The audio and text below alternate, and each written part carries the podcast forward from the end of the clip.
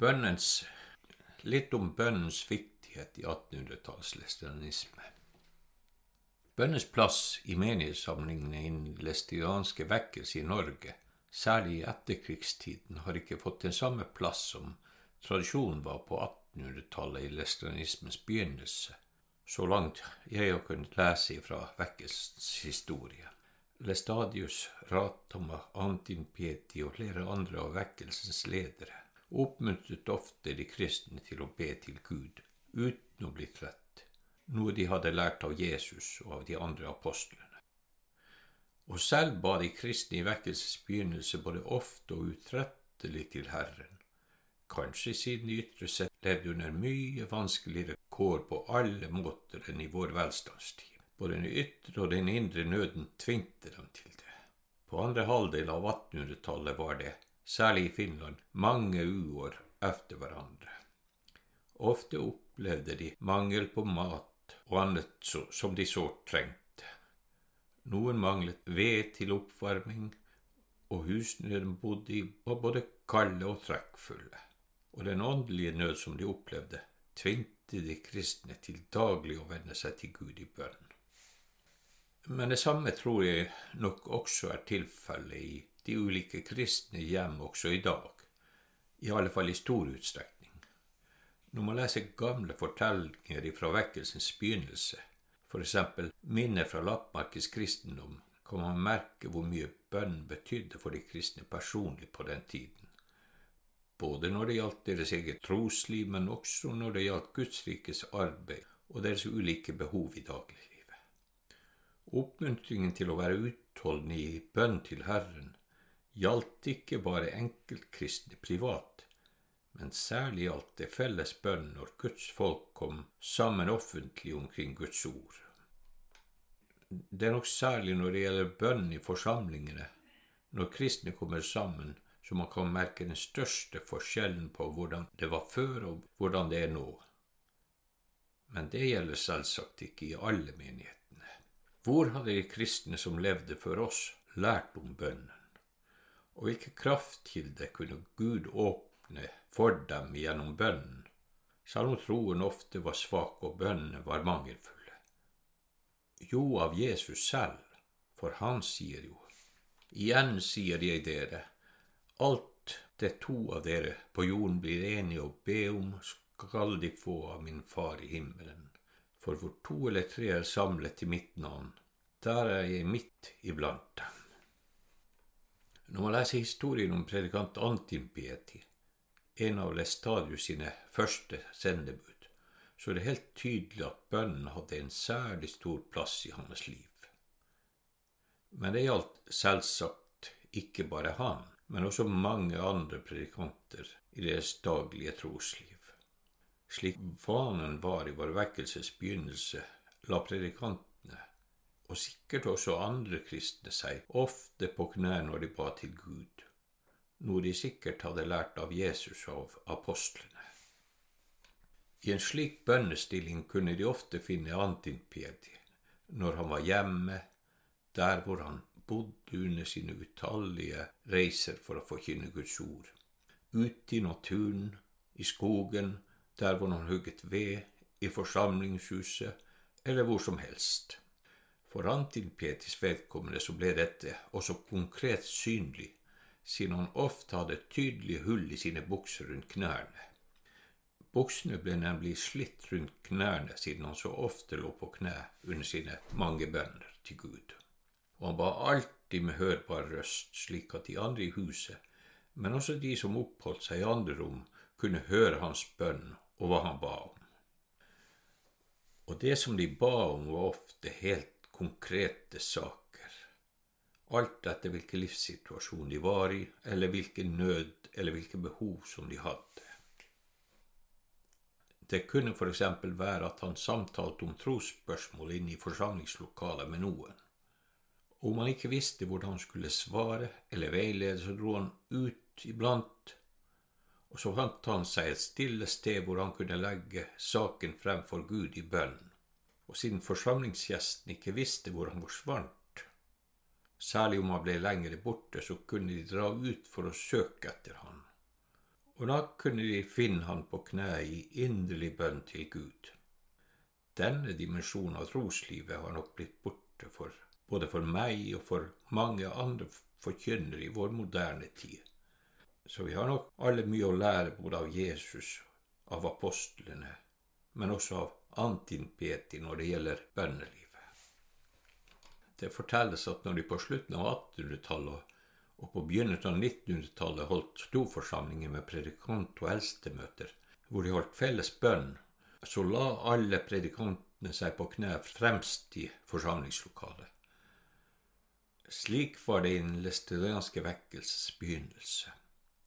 Og det tror jeg faktisk de aller fleste med bakgrunn i læsteranismen ikke har kjent til. Slik var det i alle fall tilfellet med meg helt til jeg var godt over 20 år gammel. Slik tror jeg også det er med svært mange andre saker som debatteres, faktisk i mye større grad enn vi tror og tenker.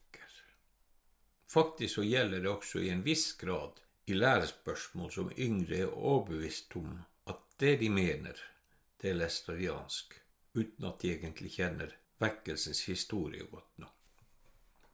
Da jeg i 1972 kom til troen og ble et gudsbarn mens jeg jobbet på et byggeprosjekt i Vestre Jakobselv, var tradisjonen innen den vestlandske indremisjonen at hele menigheten la seg på kne under bønn. Selvsagt gjorde også jeg det, men for meg føltes det uvant. Tro om dette var for å vise seg, eller kanskje noe egenrettferdig, tenkte jeg kanskje. I alle fall fløy disse tankene gjennom hodet mitt, vil jeg huske. Samme år da jeg kom hjem til Alta, satt vi kristne ungdommer en kveld hjemme hos mine foreldre og samtalte om hvordan Gud hadde vært nådig mot hver og en av oss siden han hadde tatt oss til sine barn og tilgitt oss alle våre synder. Det var nemlig en liten vekkelse på begynnelsen av 1970-tallet i Alta. Det å få del i Guds nåde ble for noen veldig stort, og det gjorde oss glade. For oss som var unge på den tiden, var det viktig å få være sammen for å synge og samtale om troens sak, det aller viktigste i livet. Derfor møttes vi ofte i hjemmene. Vi samtalte selvsagt om alt som hører med til de unges liv, og så utvekslet vi også erfaringer fra troens vei, så langt. Den kvelden fortalte jeg om bønnepraksisen de hadde i Vestre Jakobselv, om hvilke underlige tanker det hadde virket i meg siden de lå på kne under bønnen. En annen av ungdommene fra vår menighet fortalte da at også hun hadde opplevd det samme som meg, og at hun hadde tenkt slik som jeg hadde tenkt. For de kristne, der hun hadde gått på en kristen folkehøgskole, lå også på knæ under felles bønn. Også der var det vanlig at kristne i menigheten bøyde knæ når de ba til Gud. Da bryter min mamma seg inn i vår samtale, for også hun hadde sine egne opplevelser og sine fortellinger angående fellesbønn på knær fra sin barndom og fra sin ungdom i den lestianske menigheten i Alta. Både hennes mamma og hennes mormor og deres slektninger var lestadianere. Oldemor min kom ifra Ketkesjuanto i Nord-Finland, fra lestadianismens fødevugge, med Johan Ratama som en nær venn og nabo. Mamma var født i 1916 og kunne fortelle at det å falle på kne under felles bønn i menigheten var helt vanlig i den lesteranske menigheten på Elvebakken da hun var ung. Det gjorde de hver eneste søndag, eller så ofte som de hadde forsamling. Og slik hadde det vært også tidligere. Men da hennes bror, onkel Christian, lagde nye bedehusbenker med rygg i 1934, ble det av praktiske årsaker problematisk å kunne legge seg på kne så derfor valgte menigheten å slutte med fellesbønn på kne. Dette hadde mamma selv fått se og være med på i hele 18 år før denne skikken opphørte, så dette var absolutt ikke noe nytt eller noe ukjent for henne. Og da skjønte også vi som var unge, og som tenkte at slikt var noe nytt og noe ikke-læstadiansk, at siden vi ikke kjente vår vekkelseshistorie godt nok, derfor helst ikke burde være så snare til å uttale oss om hva som var læstadiansk og hvordan det hadde vært i vekkelsens 150 til 200 års historie. Vårt tidsperspektiv det var jo tross alt bare noen få år, eller ca. en tiendedel av det. Mange år etter at mor fortalte oss dette, så var jeg sammen med predikant Kåre Sur i Muonio, hvor vi var på besøk hos predikant Mauno Vuolo. Der samtalte vi om vår vekkelses tidligere historie.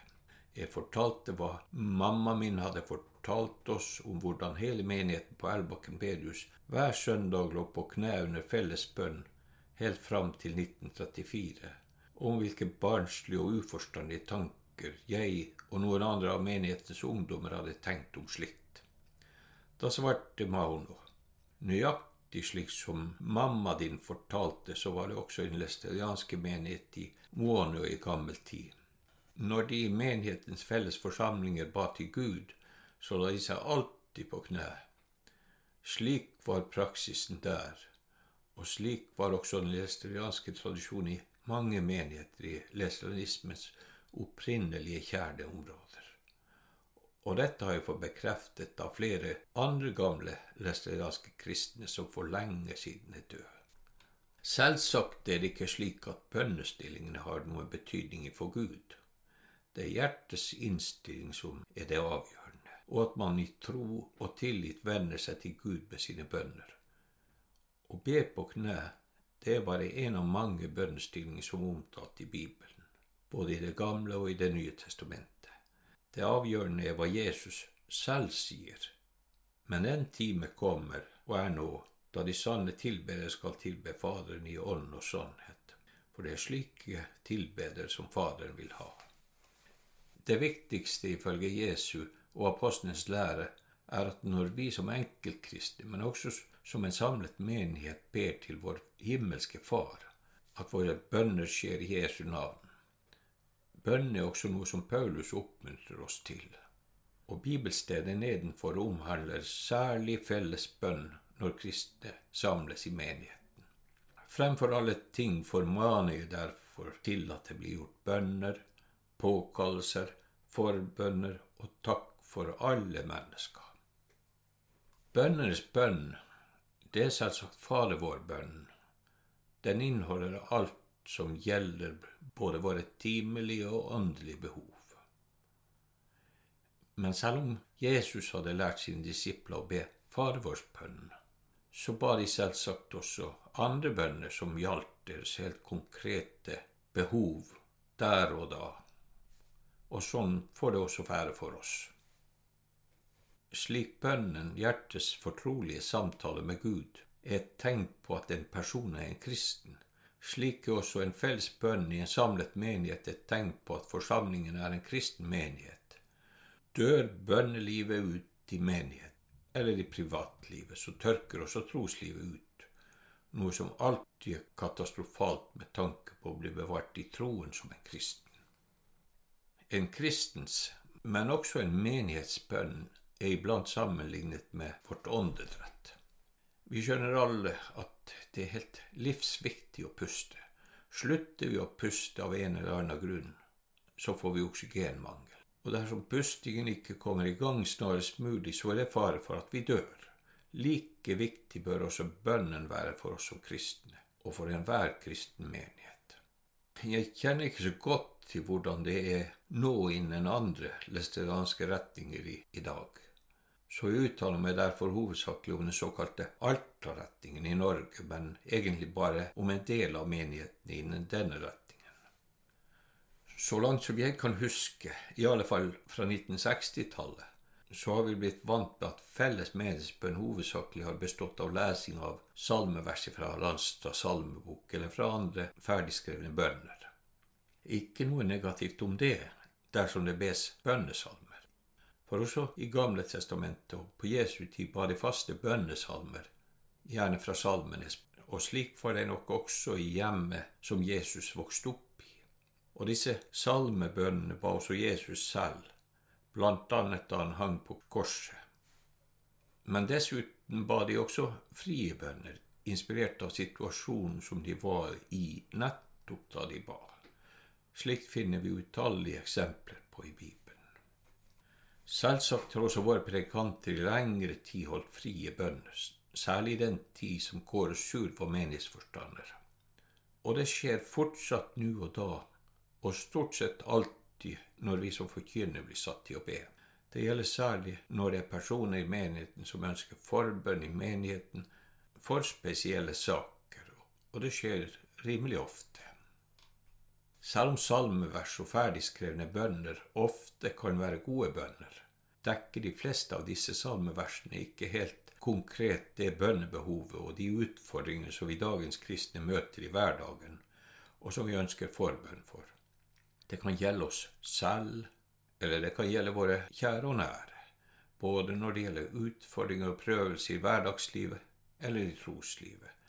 Det kan gjelde forbønn for menighetens barn, menighetens unge og eldre, forbønn for syke og for lidende, for personer som ikke lenger klarer å bekjenne troen, forbønn for ektepar som har problemer i ekteskapet, forbønn for sorg og fristelser som man møter av ulike slag, det kan gjelde bønn eller forbønn om vekkelse, forbønn for ufrelste, forbønn for de som er satt til å styre og lede i landet, og mye, mye mer. Rett og slett bønn og forbønn for alle de ulike sorger og byrdene som hver og en av oss sliter med, og som vi ønsker å få hjelp til av en felles menighet, slik at de kan bære byrdene sammen med oss. Men ikke bare det. Når et lem i Kristi kropp lider, så lider samtidig også mange andre av lemmene i kroppen, dvs. Si medlemmene i menigheten. Og når man i menigheten hører eller deltar i bønn og forbønn for sine troer venner, så virker dette ofte til at noen i menigheten får en særlig omsorg for de personene som man i menighetens fellesskap sammen har holdt bønn for og slik vil mange kunne ta med seg disse personene og deres nød i sine egne bønner og sine forbønner hjemme, samtidig som man venner seg til Gud med sine egne bønner. Og slik blir bønnen til en bærende kraft i våre liv, hvor Gud bærer oss på sine krafts sterke armer. Da kjennes det virkelig godt å ha kristne venner og en kristen hjemmemenighet som man får tilhøre, og som man får dele gleder og sorger sammen med. Slikt skaper tilhørighet, og slik styrker det de kristnes fellesskap.